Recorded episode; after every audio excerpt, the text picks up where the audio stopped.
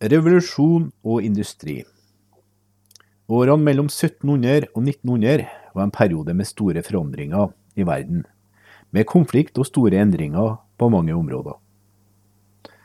Imperiet vokste og gikk under. Samtidig skjedde det store forandringer i jordbruk og industri. Landene i Nordvest-Europa vokste seg sterke, mens Portugal og Spania gikk tilbake. De 13 britiske koloniene i Nord-Amerika frigjorde seg fra moderlandet sitt i 1776 og danna USA. De ble hjulpet av Frankrike, som fikk sin egen revolusjon i 1789. Franskmennene styrta kongen, dannet en republikk og til slutt et imperium.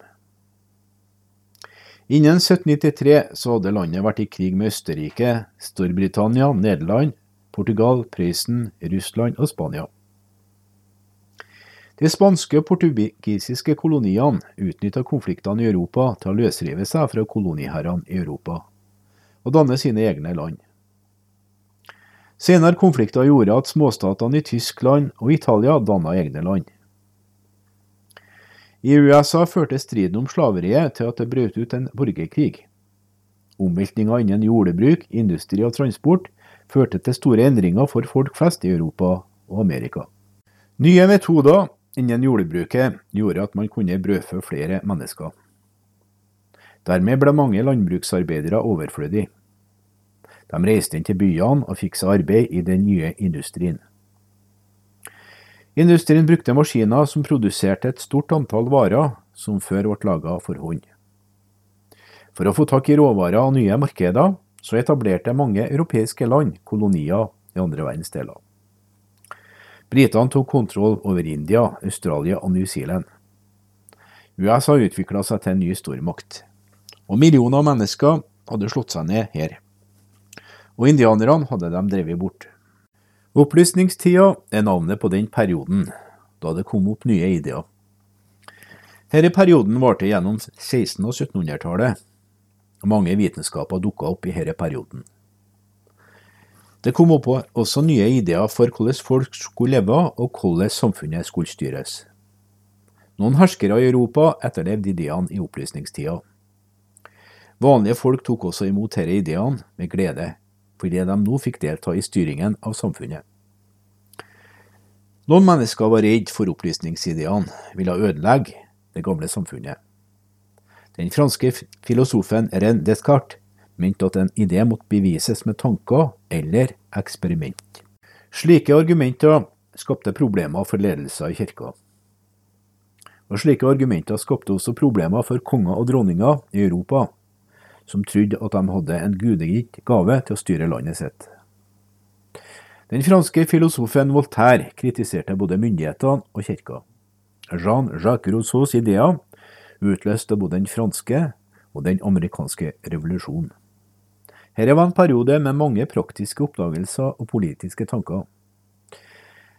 Isak Newton kom med nye teorier om lyset, bevegelsene og gravitasjon.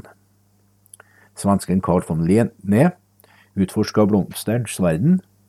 Disse vitenskapsmennene fikk hjelp av nye vitenskapelige instrumenter som teleskop og mikroskop. Andre kjente personer fra opplysningstida var Benjamin Franklin, som var oppfinner, vitenskapsmann og statsmann. Andre giganter var økonomen Adam Smith, filosofen Emmanuel Kant og historikeren David Hume.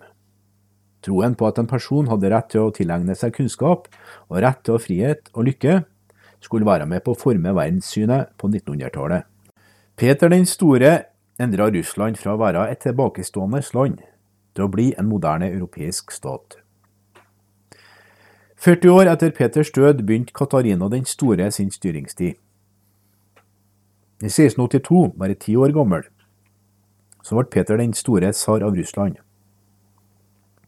Til å begynne på med styrte han landet sammen med halvbroren Ivan den femte. Da Ivan døde i 1696, så styrte Peter landet alene, helt frem til 1725. Russland hadde gjort fremgang siden 1639 men landet lå fortsatt langt bak de andre europeiske landene. Peter var fast bestemt på å endre denne situasjonen. Han reiste 18 måneder rundt omkring i Europa. Han møtte konger, vitenskapsfolk, ingeniører, bønder og skipsbyggere. I Nederland arbeidet han på et skipsverft i en periode. Da han kom tilbake til Russland, så bygde han opp en ny marine og hær. Han oppmuntra nye industrier til å etablere seg i Russland. Det ble bygd nye veier og kanaler som skulle lette handelen. Tidlig på 1600-tallet brøt det et opprør i Kina mot minkeisernes upopulære styre og høye skatter. På samme tida forente stammene i Manchuria seg. I 1618 var manchuene sterke nok til å ta over minkprovinsen Liatung. Et opprør i 1644 førte til at hovedstaden Beijing ble erobra. Ming-administratorer spurte manchuene om de ville slå ned dette opprøret. I stedet tok de makten i Kina og starta et nytt dynasti. Qing-dynastiet skulle styre landet i mer enn 250 år. Under Qing-dynastiet blomstra Kina. Produksjonen av silke, porselen, lakkvarer og bomull vokste, og handelen økte. I 1792 kom den første britiske sendemannen til Kina og ba om å få handle med kineserne. Keiseren sa nei fordi han ville at Kina skulle være isolert fra utenlandsk innblanding. Kina var treg til å ta i bruk ny teknologi, og på 1840-tallet var ikke Kina i stand til å stå mot utenlandsk press. Helt til slutten på 1700-tallet hadde ikke jordbruksmetodene forandra seg siden middelalderen. Folk flest bodde ute på landsbygda og produserte nok mat til seg sjøl. En liten del av jordbruksproduksjonen ble solgt på det lokale markedet. Bøndene dyrka vekstene sine på en smal stripe av land som var spredd på tre-fire åkerområder rundt landsbyen. Hvert år ble en av landstripene ikke dyrka opp for å spare jorda, slik at den kunne hvile. Det systemet fungerte godt så lenge befolkninga i Europa var liten. Da befolkninga i Europa vokste opp og folk flytta inn til byene, så var det ikke mer land å dyrke opp.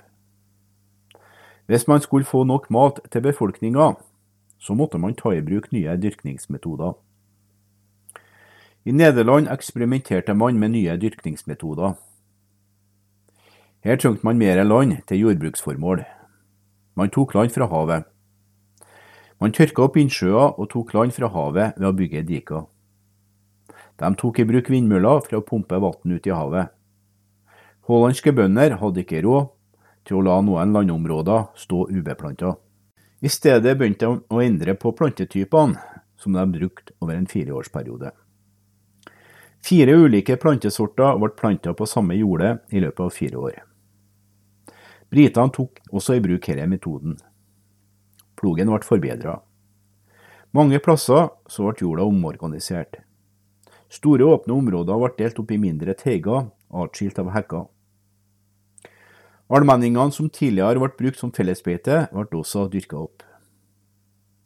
Da mange mennesker flytta inn til byene, så måtte et mindre antall bønder dyrke opp jorda. Forandringene i jordbruket mellom 1700 og 1850 gjorde at flere mennesker kunne brødføs. Europa på 1700-tallet var dominert av enerveldige konger hvis makt ikke var begrensa av nasjonalforsamlinga. De bygde svære slott og trakk til seg kunstnere og intellektuelle. De to mektigste statene var Østerrike og Prøysen. Østerrike ble styrt av habsburgerne, som hadde dominert Europa siden 1300-tallet. Tidlig på 1500-tallet delte kong Karl 5. sitt rike. En halvpart ble styrt fra Spania, mens den andre halvparten ble styrt fra Wien. På 1700-tallet døde den spanske habsburgerslekta ut, mens den østerrikske grenen av familien fortsatt var still going strong. Fra 1740 var det Maria Teresa som styrte Østerrike sammen med Ungarn, som de hadde tatt fra tyrkerne. Hun styrka makten og gjorde Wien til et intellektuelt sentrum i Europa. Kunstnere og arkitekter kom fra hele Europa for å jobbe på de store prosjektene som hun hadde satt i gang. Hun ble etterfulgt av sønnen Josef 2. i 1780. Han var sterkt påvirka av opplysningstida. Han ga mat til undersåttene sine, og fratok adelen noen av dens privilegier. Fredrik den store ble konge i Prøysen i 1740. Han var en begavet general, og han utvida Prøysens grenser etter flere kriger med nabolandene. Han hadde en velorganisert hær og et velorganisert rike som ble Europas mektigste land. På midten av 1700-tallet var det 13 britiske kolonier i Nord-Amerika. Storbritannia fikk også etter hvert kontroll over Canada, etter å ha slått franskmennene i syvårskrigen. Britene hadde ikke tenkt å endre måten som de styrte koloniene sine på. Men kolonistene ville ha et ord med i laget. Den amerikanske revolusjonen gjorde at kolonistene frigjorde seg fra britisk styre. Britene skattla kolonistene for å finansiere forsvaret av Nord-Amerika. Koloniene hadde nesten to millioner innbyggere. De produserte mesteparten av det de trengte av mat og andre varer sjøl.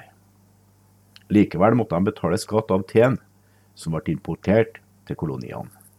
I tillegg hadde de ingen representanter i det britiske parlamentet. De ville ikke betale skatt på te hvis de ikke var representert i London. Britene reagerte med å sende soldater for å slå ned opprøret. I april 1775 kom det til en væpna konfrontasjon mellom kolonister og britiske soldater i Lexington, Massachusetts. Kolonistene hadde dannet sin egen hær, ledet av George Washington. 17.6 samme året møttes de to herrene ved Bunker Hill ved Boston. Britene vant slaget. Den amerikanske uavhengighetskrigen hadde starta. Mens de fortsatt sloss, så utarbeida kolonistene den amerikanske uavhengighetserklæringa 4.7.1776. Den britiske regjeringa ville ikke godta den. Under Washingtons ledelse klarte kolonistene å slå britene. Frankrike, Spania og Nederland ble med på kolonistenes side. Krigen endte i 1781, da britene ga seg i Yorktown. To år senere anerkjente britene USA. Den franske revolusjonen i 1789 rysta hele Europa. Det begynte som en protest for rettferdighet, mat og demokrati. Det franske folket som ikke fikk delta i styret av landet, reiste seg opp mot det gamle orden. Flere år med blodbad førte til at en ny diktator dukka opp på scenen. Han utropte seg sjøl til diktator. Det var Napoleon Bonaparte. På 1700-tallet var det franske samfunnet delt inn i tre klasser. Første stand var adelen. Andre stand var prestene. Tredje stand var alle de andre. Skolerte folk, som var kjent med opplysningstidas ideer, så hvor urettferdig systemet var. Misnøyen økte i 1788. Da var det en dårlig kornhøst som førte til økte brødpriser. Mange mennesker sulta. I 1789 innkalte kong Ludvig den 16. tredje stand til et møte. Han ville øke skattene, og dem var det tredjestand som skulle betale. Tredjestand nekta å betale mer skatt, hvis de ikke fikk delta i styringa av landet. Kongen nekta å godta kravene. Opprørerne, som nå kalte seg for nasjonalforsamlinga, nekta å forlate Versailles hvis ikke kongen etterkom kravene. I Paris angrep folket fengselet Bastillen, og litt senere brøt ut bråk over hele Frankrike. Nasjonalforsamlinga skrev en menneskerettighetserklæring som handla om likhet og frihet. Kongen og hans familie ble arrestert og holdt fanga til 1793. Kongen ble brakt for retten og henretta samme året. Dette var starten på terroren. Under ledelse av Maximilian Robespierre ble mange mennesker henrettet. Nabolandene gikk til krig mot Frankrike. Robespierres venner var til fare og sørga for at han også ble ekspedert. Faren for en borgerkrig førte til at Napoleon dukka opp på arenaen. Sent på 1700-tallet begynte europeerne å interessere seg for Australia og New Zealand. I 1788 begynte britene å bosette seg i Australia. I 1840 ble New Zealand en britisk koloni. Emigranter fra Europa slo seg ned i begge landene. Den britiske sjøfareren James Cook gjennomførte tre turer til Australia på 1700-tallet. Hans første ekspedisjon starta i 1768. Han seilte rundt New Zealand og langs kysten av Australia. Cook gikk i land i Butana Bay på sørøstkysten. Her tok han land for britene. På sin andre tur utforska han mange øyer ute i Stillehavet. I 1776 dro han tilbake til New Zealand. Så utforska han kysten av Sør-Amerika, før han dro til Hawaii. I 1788 dro den første flåten med britiske fanger til Australia.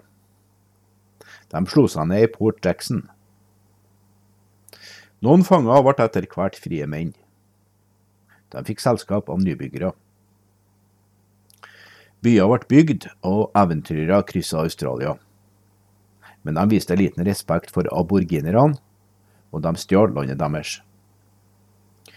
Transporten av fanger til Australia tok slutt på 1850-tallet. Franske oppdagere ankom New Zealand etter at Cook hadde dratt fra øya. De syntes at maoriene var aggressive. På begynnelsen av 1800-tallet kom hvalfangere, seljegere og misjonærer til øya. I 1840 ga maori-lederne fra seg landet, og øya ble en britisk koloni. Napoleon starta som kavalerioffiser og endte opp som keiser. Målet hans var å erobre Europa. Krigene han førte, skulle prege starten på det 19. århundre. Napoleon ble født på Korsika, som er ei øy som ligger på sørkysten av Frankrike. Han gikk inn i den franske hæren i 1785. Napoleon støtta den franske revolusjonen, og han slo ned et opprør i Toulon. I 1795 måtte han dra til Paris for å slå ned et opprør i byen. Året etter fikk han kommandoen over den franske hæren som sto i Italia. Han fikk tatt kontrollen i Italia og slo de østerrikske soldatene som sto i landet. Så dro Napoleon til Egypt med håp om å ødelegge den britiske handelsruta til India. Han slo egypterne i 1798, og han vant slaget ved pyramidene. Han stranda i Egypt da britene ødela den franske flåten i slaget ved Nilen. Napoleon dro tilbake til Frankrike, der han prøvde å bli leder av landet. Han ble leder av direktoratet som styrte landet. Folk flest ønska at Napoleon skulle være landets sterke leder. Folk flest ønska han velkommen. I 1802 ble han førstekonsul. Han fikk utarbeida et nytt lovverk for Frankrike, Code Napoleon. I 1804 sørga han sjøl for å bli krona til keiser. Napoleon oppnådde en rekke seire på slagmarka over Prøysen, Russland, Østerrike osv. Men Napoleon fikk aldri tatt kontrollen over britene. Da admiral Nelson knuste den franske flåten i slaget ved Trafalgar i 1805, så måtte Napoleon oppgi planene om å erobre de britiske øyene. I 1807 førte han hæren sin gjennom Spania for å erobre Portugal. Her satte han inn broren sin som konge av Spania. Britene svarte med å sende tropper til Spania, der de utkjempa en brutal krig med franskmennene. I 1812 dro han ved Grand Armé inn i Russland. Med 600 000 mann dro han gjennom Polen og inn i Russland helt til han nådde Moskva. Men den harde russiske vinteren tvang han ut av landet igjen. Det var bare 10 000 franske soldater som vendte tilbake til Polen. I 1813 kollapsa Frankrike. I 1814 trakk Napoleon seg som keiser, og han ble sendt til øya Elba på kysten av Italia. Napoleon stakk av fra eksiltilværelsen, og han klarte å mønstre en ny fransk hær. Da han ble slått i slaget ved Waterloo, så måtte han kaste inn håndkleet. Nå ble han sendt til øya St. Helena, som ligger ute i Atlanteren, der han døde i 1821. I 1759 tok britene Quebec fra franskmennene. I 1763 hadde nye Frankrike blitt til britisk Canada. Det canadiske folket utvikla både en engelsk, fransk og indiansk kultur. Canada er et stort land med lite folk. Under den amerikanske revolusjonen var det mange britiske lojalister som dro til USA fra Canada. Canada slo tilbake angrepet fra USA i 1812. Britene delte Canada inn i to deler, en britisk og en engelsk. Til å begynne på med var det bare den østlige delen av landet som var bebodd av europeere. Den vestlige og den nordlige delen av landet var bodd av urfolk. Men etter hvert dro kremmere og oppdagere vestover. Så kom jernbanene med tusenvis av bønder som ville dyrke opp landet. I 1841 slo britene seg sammen den britiske og franske delen av landet. I 1867 ble Canada en selvstendig britisk dominion. I 1869 prøvde franske nybyggere å oppnå uavhengighet under Red River-opprøret. I 1890 strakte Canada seg fra Atlanterhavet til Stillehavet. Rundt 1800 styrte Spania og Portugal fremdeles store områder i Sør-Amerika. Befolkningen hata å være koloniboere og betale skatter til fjerne stater. Da napoleonskrigene skapte kaos i Spania og Portugal, så prøvde flere områder i Sør-Amerika å bli frie og uavhengige. Kampen mot spanjolene ble ledet av Simon Bolivar fra Venezuela og José de San Martin fra Argentina. San Martin oppnådde uavhengighet for landet sitt allerede i 1816. Simon Bolivar måtte kjempe mye lenger for å vinne uavhengigheten for Venezuela. Han ble med en opprørshær som klarte å erobre Caracas i Venezuela i 1810. Men kort tid etter ble han slått av spanjolene. I 1811 tok han ledelsen for opprørshæren. De neste tre årene brukte han på å slåss med spanjolene. Da han ble slått for andre gang, så stakk han i eksil til Jamaica. I 1819 ledet han en opprørshær over Andesfjellene fra Venezuela til Colombia, der han slo spanjolene i slaget ved Bui I 1821 frigjorde han Venezuela. Året etter gjorde han Ecuador og Panama til frie land. Han gjorde alle disse landene til en del av Stor-Colombia, der han sjøl utropte seg til president. Peru ble også frigjort, og en del av Peru ble til landet Bolivia, som ble oppkalt etter Simon Bolivar. Den industrielle revolusjonen starta i Storbritannia på midten av 1800-tallet. Samfunnet ble endra da menneskene flytta fra landsbygda og inn til byene for å finne arbeid i industrien. Det var to ting som skjedde på 1800-tallet som fikk den industrielle revolusjonen til å skje. Det første var at Abraham Darby oppdaga at kål var bedre enn trekål for å smelte jern. Den andre oppdagelsen var at Thomas Newcomen forbedra dampmaskiner, slik at man kunne pumpe vann opp fra gruvene. Det var nå bedre muligheter for å fremstille bedre kål og jern som kunne brukes i industrien. Frem til 1760 så ble de fleste bruksgjenstander laga hjemme eller i små verksteder for hånd. Smeder laga spiker og kniver, mens spinnersker og vevere lagde tråd og tøyer. På 1700-tallet oppsto det en stor etterspørsel etter bomullstøyer fra India. Senere importerte man råbomull fra India, som så ble bearbeidet til ferdige klær i Storbritannia. I 1733 ble den flyvende skyttelen oppfunnet. Dermed klarte ikke rokkene å forsyne veverne med nok tråd. I 1764 oppfant James Hargrace spinning jenny, som gjorde det mulig å spinne åtte tråder samtidig. Fem år senere oppfant Richard Oakright en spinnemaskin som ble drevet av vann. Fabrikker ble bygd nær elva, som kunne drive disse maskinene. Bomullsindustrien blomstra. I 1790 modifiserte James Watt dampmaskiner, slik at man kunne drive maskiner med den. Dette gjorde at det ble økt behov for kål som kunne drive dampmaskinene, og for jern som man kunne lage maskiner ut av. Det ble bygd kanaler og jernbaner som skulle frakte råvarer til fabrikkene og ferdigvarer til markedene. Byene vokste raskt, men bo- og arbeidsforholdene var forferdelige. Folk slet seg ut, sulta og bodde kummerlig. I 1815 var det uro i Europa i tida etter napoleonskrigene. Gamle regjeringer med gamle ideer ble gjeninnsatt. Men industrialisme og demokrati var i startgropa. Til å begynne på med ble folks behov for endringer ignorert eller knust. Revolusjonen så ut til å være svaret for folk i Europa som ville ha noe å si. Det brøt ut bråk i Frankrike i 1830. Da ble Louis Philippe utnevnt til borgerkonge på bekostning av den upopulære kong Carl 10. Rykter om uro spredde seg, og det utvikla seg til bråk i flere land i Europa.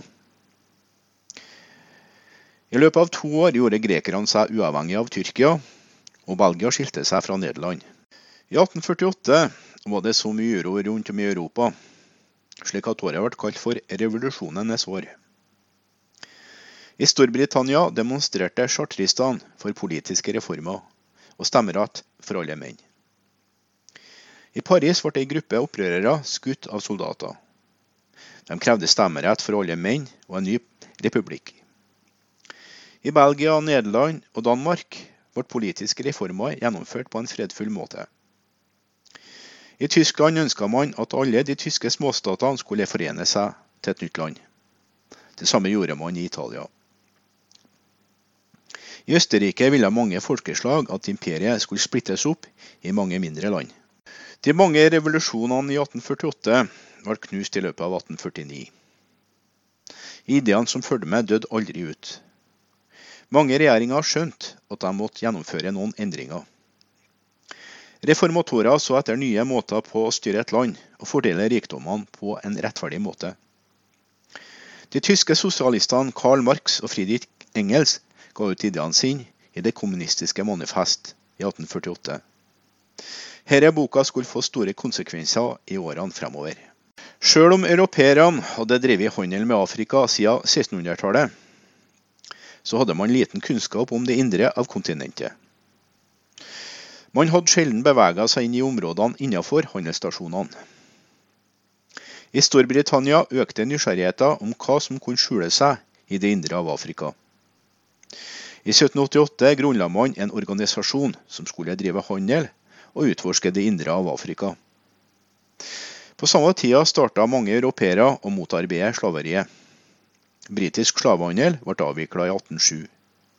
I det britiske imperiet tok slavehandelen slutt på 1830-tallet. I 1822 ble Liberia grunnlagt, der frigitte amerikanske slaver bosatte seg. Kristne misjonærer dro til Afrika for å bygge skoler og kirker. Nybyggere dro også til Afrika. Mange slo seg ned i Kappkolonien, som britene hadde tatt fra nederlenderne i 1806. Dette var den største europeiske bosettinga i Afrika. Mesteparten av disse kolonistene var nederlandske jordbrukere, som kalte seg for boere. I 1835 hadde mange av dem gått lei av å bli styrt av britene. Dermed dro de innover i innlandet. Denne folkevandringa ble kalt for The Great Trek. Etter mye slit grunnla de to nye republikker. Det var Transvaal og Orange Free State. Boerne hadde nå tatt seg inn på zuluenes område, og de kom i konflikt med zuluene. I 1879 ble Zululand slått av britene. Mange britiske ekspedisjoner dro opp etter de store afrikanske elvene for å utforske kontinentet. Fra 1768 til 1773 utforska James Bruce Etiopia. Mungo Park dro opp etter elva Niger fra 1795 til 1806 i to ekspedisjoner. Fra 1852 til 1856 kryssa David Livingston det afrikanske kontinentet ved å følge Zambesi-elva. I 1866 dro han ut for å finne Nilens kilder. Ingen hørte fra han på tre år. I en ekspedisjon ledet av Henry Stanley fant han ved bredda av Tanganyikasjøen. Stanley dro ut på en ekspedisjon som skulle utforske Kongoelva. Denne ekspedisjonen ble betalt av den belgiske kongen. Han ville danne sitt eget belgiske imperium. Dette var starten på europeernes kappløp om Afrika. På 1700-tallet så ble den europeiske handelen med Asia så viktig at britene, nederlenderne og franskmennene starta handelskompanier for å kontrollere sine interesser. Disse selskapene la grunnlaget for koloniene, som senere skulle dannes. I løpet av dronning Victorias styre så utvikla Storbritannia seg til å bli verdens mektigste nasjon. Nederlenderne konsentrerte seg om øyene i Indonesia. Britene og franskmennene kjempa om India helt til 1763, da britene fikk kontrollen over det store landet. På 1830-tallet fant nederlenderne ut at de skulle kontrollere mer enn handelen på øyene. Nå starta de med å ta kontrollen over jordbruket. De grunnla plantasjer som dyrka kaffe og indigo. Indonesiske fyrster og nederlandske kremmere tjente store penger, mens vanlige bønder slet seg ut på markene. De hadde knapt nok tid til å dyrke mat til seg sjøl. I tillegg til India så begynte britene å bygge også opp kolonier i Sørøst-Asia. I 1819 grunnla de Singapore, som ligger på sydspissen av Malaya-halvøya. I 1867 hadde Malakka Penang blitt britiske kolonier. De styrte gjennom lokale sultaner, mens de grunnla gummiplantasjer og tinngruver. Fra 1824 prøvde britene også å ta kontrollen over Burma. Burmeserne gjorde sterk motstand, men de måtte gi seg i 1885.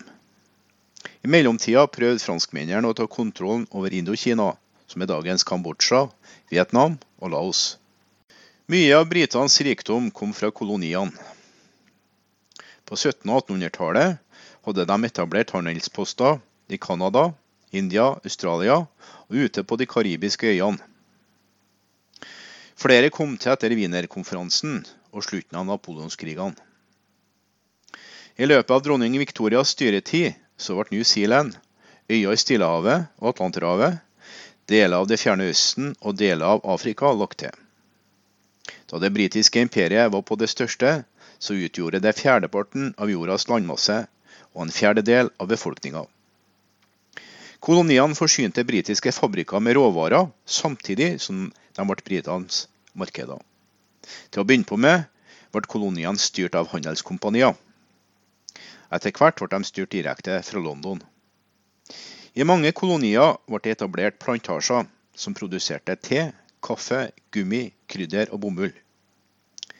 Britene fikk stor påvirkningskraft. Andre land tok etter britisk juss, teknologi og kultur. I det 20. århundret minska britenes makt. Landet var ikke lenger en ledende industrimakt. Etter andre verdenskrig ble imperiet delt opp i en rekke selvstendige land. Etter at de amerikanske koloniene erklærte seg uavhengig fra britene i 1776, så steg antallet nybyggere i koloniene. De fleste nybyggerne slo seg ned i de østlige statene, men et stadig økende flertall dro vestover til Ohio, Michigan, Indiana og Illinois. Mange mennesker dro til de store sjøene i 1825. Da åpna man Eirekanalen. Dette gjorde transport mye lettere. Vest for Mississippi lagde kremmere og oppdagere stier som nybyggerne fulgte etterpå. I 1848 var krigen mellom Mexico og USA over. Folk slo seg ned på de nye erverva områdene i vest. Pionerene reiste med vogner dekka med lerret og trukket av okser. Da de kom frem, valgte de ut landområder som de ville dyrke opp.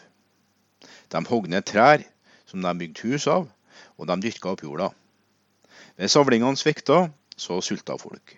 I 1862 vedtok den amerikanske regjeringa Homestead Act, hvor nybyggerne var tildelt gratis jord som de kunne dyrke opp for en symbolsk sum. Tusenvis av mennesker tok imot dette tilbudet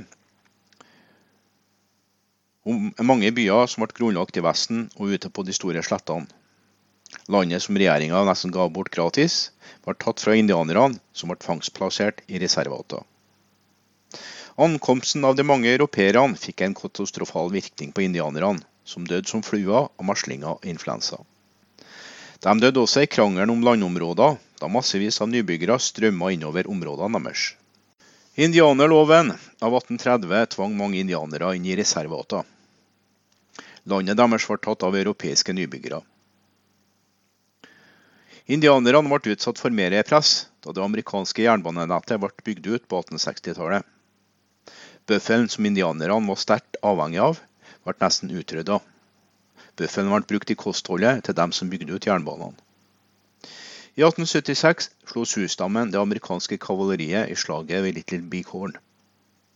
I 1890 ble 200 indianere drept i slaget i massakren ved Wounded Knee. Indianerkrigene var nå over. Borgerkrigen mellom nord- og sørstatene splitta USA. Krigen ble utkjempa for å hindre at sørstatene forlot unionen. Nordstatene hadde de fleste fabrikkene og de største byene. Slaveriet ble forbudt i 1820, men sørstatene var avhengig av et stort antall slaver for å holde det gående.